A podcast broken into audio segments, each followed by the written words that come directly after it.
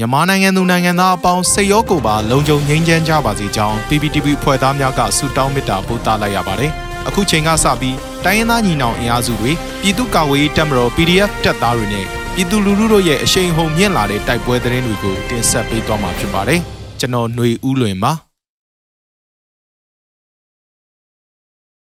ပထမဦးစွာရွှေဘိုကလမလက်ကောက်ကျကြေးရွာကိုစစ်ကူလာတဲ့စစ်ကောင်စီဆိုင်ကယ်6စီးကိုဒေသကာကွယ်ရေးတပ်ဖွဲ့ကမိုင်းဆွဲတိုက်ခိုက်တဲ့တဲ့ရင်ကိုတင်ဆက်မှာပါ။စကိုင်းတိုင်းရွှေဘိုမြို့နယ်ကြောင်မြောင်းမှာကလမလက်ကောက်ကျကြေးရွာကိုတက်ကူလာတဲ့စစ်ကောင်စီတပ်ဖွဲ့ကိုယမန်နေ့ဖေဖော်ဝါရီလ16ရက်နေ့ညနေ4နာရီခွဲမှာနတ်တောင်နဂါပြည်သူ့ကာကွယ်ရေးတပ်ဖွဲ့နဲ့ Ghost Rider Special Task Force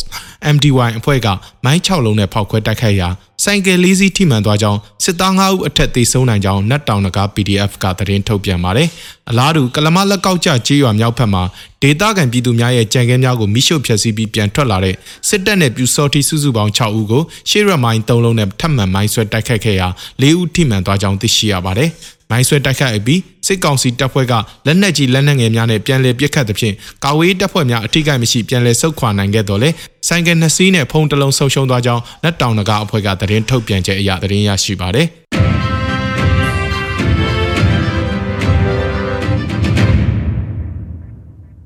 ဆက်လက်ပြီးဖလူးဒေတာကို KNL ပူးပေါင်းတပ်ဖွဲ့ကပြန်လည်သိမ်းပိုက်ပြီးစစ်ကောင်စီဘက်မှအကြဆုံးများပြီးလက်နက်ခဲယမ်းများသိမ်းဆည်းရမိတဲ့တဲ့ရင်ကိုတင်ဆက်ပေးပါမယ်။ ကရင်အမျိုးသားစီယုံ KNU တပ်မဟာ6နယ်မြေဖလူးဒေတာမှာဂျမန်နေ့ဖေဖော်ဝါရီလ16ရက်နေ့မှာအကြမ်းဖက်စစ်ကောင်စီတပ်လက်ပါစီ BGF တပ်ဖွဲ့များနဲ့ KNL PDF ပူးပေါင်းတပ်ဖွဲ့များအကြားတိုက်ပွဲပြင်းထန်ခဲ့ပြီးစစ်ကောင်စီကကား3စီးနဲ့တေဆုံးတန်ရာရစစ်သားများကိုပြန်လည်သေဆောင်ဆုတ်ခွာသွားပြီးလက်နက်ခဲယမ်းအချို့ကို KNL ပူးပေါင်းတပ်ကတင်စီရမိကြောင်းသတင်းရရှိပါတယ်။ ဖေဖော်ဝါရီလ15ရက်မှာစတင်ကဖလူးဒေတာကို KNL ပူးပေါင်းတပ်ဖွဲ့ကပြန်လည်ထိုးစစ်ဆင်ခဲ့ပြီးယမန်နေ့နေ့လယ်12နာရီခန့်မှာဖလူးလေးကျေးရွာထိပ်ရှိလက်နက်ကြီးပစ်စခန်းကုန်းဖျားကုန်းအပါအဝင်ဖလူးကြီးဖလူးလေးကျေးရွာဒေတာများအား KNL တပ်များကပြန်လည်သိမ်းပိုက်နိုင်ခဲ့ခြင်းပါတိုက်ပွဲပြင်းထန်ပြီးနောက်ဖေဖော်ဝါရီလ16ရက်နေ့မွန်လွဲ3နာရီခန့်မှာအကြမ်းဖက်စစ်ကောင်စီတပ်ကတိုက်ခိုက်ရေးရဟန့်ရင်နှစ်စင်းနဲ့ဖလူးဒေတာကိုလာရောက်ပစ်ခတ်ခဲ့ပြီးပြည်သူတအူးကြီးထိမှန်တန်ရရှိခဲ့ပါတယ်။ ယမန်နေ့တိုက်ပွဲမှာစစ်ကောင်စီဘက်မှ2ပွင့်အရာရှိတဦးပါဝင်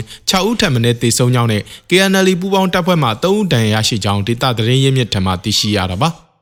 ဖလူဒေတာကို KNL ကပြန်လည်သိမ်းပိုက်ထားပေမဲ့တမိုင်အကွာရှိမင်းလက်ပံကြီးရွာမှာတော့စစ်ကောင်စီတပ်နဲ့ BGF တပ်ဖွဲ့များရှိနေကြောင်းယမန်နေ့ညအထိမင်းလက်ပံကြီးရွာမှာဖလူဒေတာဘက်ကိုလက်နက်ကြီးလက်နက်ငယ်များနဲ့ပစ်ခတ်မှုများရှိနေကြောင်းဒေတာတွင်သတင်းရင်းမြစ်ကဆိုပါတယ်။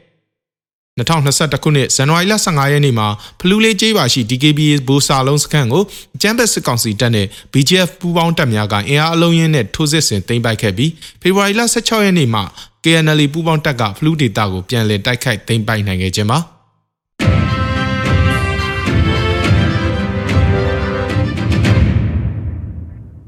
မိုးပြဲမြို့ညောင်ဝမ်းရက်ကွက်ရှိစစ်ကောင်စီစခန်းကို KNI ပူးပေါင်းတပ်ဖွဲ့များကဝင်တိုက်တဲ့တဲ့ရင်ကိုဆက်လက်တင်ဆက်ပါမယ်။ ရှမ်းကရင်ဒီအဆက်မိုးပြဲမြို့ညောင်ဝမ်းရက်ကွက်ရှိအကြမ်းဖက်စစ်ကောင်စီတပ်ဖွဲ့များတပ်ဆွဲထားတဲ့စခန်းကို KND ပူးပေါင်းတပ်ဖွဲ့များကဖေဖော်ဝါရီလ18ရက်နေ့အစောပိုင်းမှာဝင်ရောက်တိုက်ခိုက်ခဲ့ပြီးစစ်ကောင်စီဘက်မှထိခိုက်ဒေဆုံးများရှိကဖဲကုံ PDF ရဲဘော်တို့မစိုးရင်ရတန်ရရှိကြောင်းသတင်းရရှိပါတယ်။မိုးပြဲမြို့ညောင်ဝမ်းရက်ကွက်ဘလူးချောင်းဘေးမှာတက်ဆွဲထားတဲ့စစ်ကောင်စီစခန်းကိုပူပေါင်းတပ်ဖွဲ့များကယနေ့မနက်4:45မိနစ်မှာဝင်ရောက်တိုက်ခတ်ခဲ့ခြင်းပါ။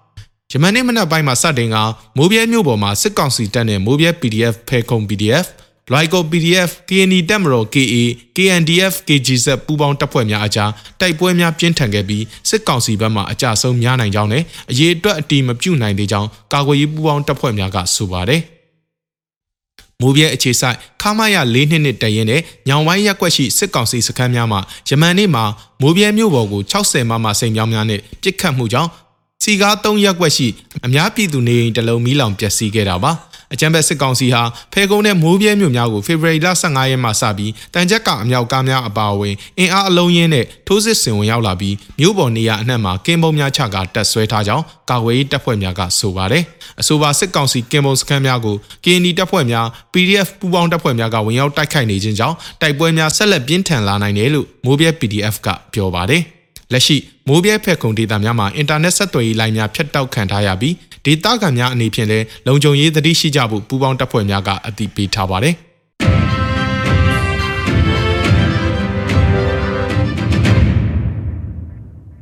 နောက်ဆုံးအနေနဲ့အမျိုးသားညီညွတ်ရေးအစိုးရပြည်ထောင်ရေးနဲ့လူဝင်မှုကြီးကြပ်ရေးဝန်ကြီးဌာနက2022ခုနှစ်ဖေဖော်ဝါရီလ18ရက်ရက်စွဲနဲ့ထုတ်ပြန်တဲ့ပြည်သူ့ခုခံတော်လှန်စစ်တရင်အချက်အလက်များကိုတင်ဆက်ပေးသွားမှာပါ။ အာနာသိန်းအကြမ်းဖက်စစ်အုပ်စုရဲ့ပြည်သူလူထုအပေါ်အကြမ်းဖက်ဖိနှိပ်ဖန်ဆီးတိုက်ခိုက်တပ်ဖြတ်နေမှုများကိုပြည်သူလူထုတရက်လုံးကအသက်ရှင်တန်ရေးအတွက်မိမိကိုယ်ကိုမိမိခုခံကာကွယ်ပိုင်ခွင့်အရာပြည်သူခုခံစစ် People's Defensive War ကိုဆွေးနွေးလျက်ရှိပါတယ်။တရင်အချက်လက်များအရ16ရက်2လ2022ရက်နေ့မှာစစ်ကောင်စီတပ်ဖွဲ့ဝင်62ဦးသေဆုံးပြီးထိခိုက်ဒဏ်ရာရရှိသူ18ဦးအထိခုခံတိုက်ခိုက်နိုင်ခဲ့ပါတယ်။ စစ်အာဏာရှင်စနစ်မြမမြေပေါ်မှာအပိတိုင်ချုပ်ငြိမ်းရေးနဲ့ Federal Democracy တည်ဆောက်ရေးအတွက်ငြိမ်းချမ်းစွာဆန္ဒပြတဲ့လူထုတပိတ်တိုက်ပွဲများကပြည်내နဲ့တိုင်းဒေသကြီးများမှာဖြစ်ပွားပေါ်ပေါက်လျက်ရှိပါတယ်။ညီပြင်မှာယခုတွေ့ရတဲ့သတင်းအချက်အလက်များထက်ပို၍ဖြစ်ပွားနိုင်ပါတယ်ခင်ဗျာ။